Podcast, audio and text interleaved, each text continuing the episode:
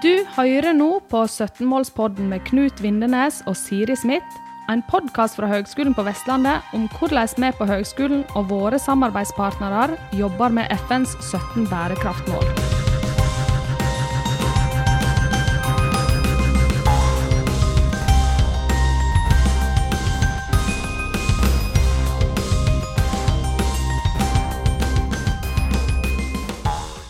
Da har vi fått besøk av Klaus Moen her. Og hvem er du? Ja, jeg er rektor ved Universitetet i Stavanger siden 1.8 for uh, to år siden nå. Veldig kjekt å ha deg her på besøk. Eh, og Knut, eh, hva med spurt våre gjester om? Ja, skal jeg ta spørsmålet? Ja, eh, vi, vi, spør alle som vi møter her eh, som, som, har en, eh, en rolle på en måte, i samfunnet og bidrar. Eh, hva, hva, forventninger har du til, til, altså, til, til akademia, og, og, hva tenker du akademia bør gjøre på bærekraft? bidra til? Ja, Bærekraftsutfordringen springer som jeg ser det ut av to hovedproblemstillinger. For det første så har vi klimautfordringen, og for det andre så har vi presset mot eh, naturen og artsmangfoldet. Og For å møte de to uh, store kjempemessige utfordringene, så mener jeg den viktigste oppgaven akademia har, er å produsere ny kunnskap. Mm. I form av forskning og utdanning. Selvsagt skal vi til oss bra, og vi skal redusere vårt avtrykk på omgivelsene. og Vi kan gjerne ha vegetarmenyer i kantinen og sykkelparkering og solceller og alt. Men det aller viktigste er at det vi driver med, det er innretta mot de utfordringene. Mm. Og Det har vi tatt konsekvensen av. Så grønn omstilling står i kjernen i strategien for Universitetet i Stavanger, og skal over tid gjennomsyre våre utdanninger og det vi driver med av forskning. Dette er gjennomtenkt. Dette har dere jobbet litt med? ja, så vi har jo vært gjennom denne strategiprosessen og fikk vedtatt at strategien for uh, godt og vel et halvt år siden. Sånn at uh, det er dette som skal stake ut kursen for uh, UiS gjennom de nærmeste ti årene. Og da håper jeg at vi treffer både på samfunnsutfordringene, og at vi klarer å trekke til oss attraktive ansatte, og ikke minst studenter. Har du, har du eksempler på, på mål, målsetninger som dere har satt dere i den strategien? Der er vi litt nysgjerrige. Ja, Vi skal jo posisjonere oss faglig. Selv om det ikke er så lett å gjete forskere, så skal vi over tid legge rammevilkårene til rette, sånn at vi får utvikla fagkompetanse innen forskningsmiljøene på områder knytta til eh, bærekraft og grønn omstilling. Og Det vil jo utlysningene hjelpe oss med, for både Norges forskningsråd og eh, de europeiske myndighetene gjør det samme med sine utlysninger. I mm. tillegg så skal dette prege utdanningene våre. Og Da skal vi få inn eh, bærekraftstema i enkeltemner. Vi skal få inn bærekraftsemner i eh, studieprogram, og vi skal etablere og utvikle nye hele studieprogram som er retta inn mot denne utfordringen. Det er veldig spennende og jeg liker tanken. Men, men, dere har jo Du, du kommer jo fra oljehovedstaden og du er rektor der. og er dere, Har dere forlatt petroleumsindustrien fullstendig, eller utdanner dere fremdeles folk inn der?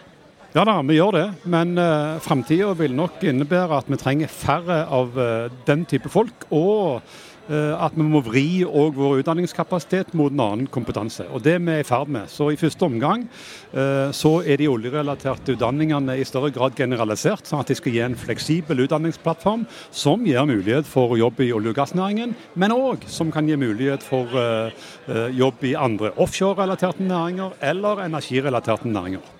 Spennende. Og jeg lurer på, eh, Dere har jo andre, eh, har jo andre utdanninger og, eh, som ikke gjerne går på teknologi. Hvordan jobber dere i forhold til bærekraftig utvikling i, de, i de utdanningene? Nei, Som jeg sa, så skal vi få inn disse temaene i enkeltemner. Og få det inn i læreplaner og studieplaner for de enkelte programmene. Og sikre at det er et element av bærekraft i så å si eh, alle utdanninger. Så må de enkelte studieprogramledere og fakultetsledelsen osv. i de enkelte fakultet finne ut nøyaktig hvordan dette skal være. Det kan vi ikke tre over hodet på folk. Men vi vil sikre at dette preger utdanningene våre på alle nivåer. Har du eksempler på, eh, på fagområder som på en måte ligger utenfor ja, ingeniørfag, og som på en måte går på ja, som handler om annet enn teknologi? Ja, altså økonomifagene f.eks., mm. så er det godt rom for å tenke på energiøkonomi, mm. miljøøkonomi, bærekraftsøkonomi, sirkulærøkonomi for den saks skyld. Nettopp. I lærerutdanningen vår så kan vi få inn disse eh, elementene i uh, utdanningen på en måte som gjør at læreren òg blir rusta til å undervise på disse problemstillingene. Jeg lurer på, du, jeg er helt enig med deg at Det viktigste samfunnsoppdraget vi har som utdanningsinstitusjon og forskningsinstitusjon, er å utdanne og forske.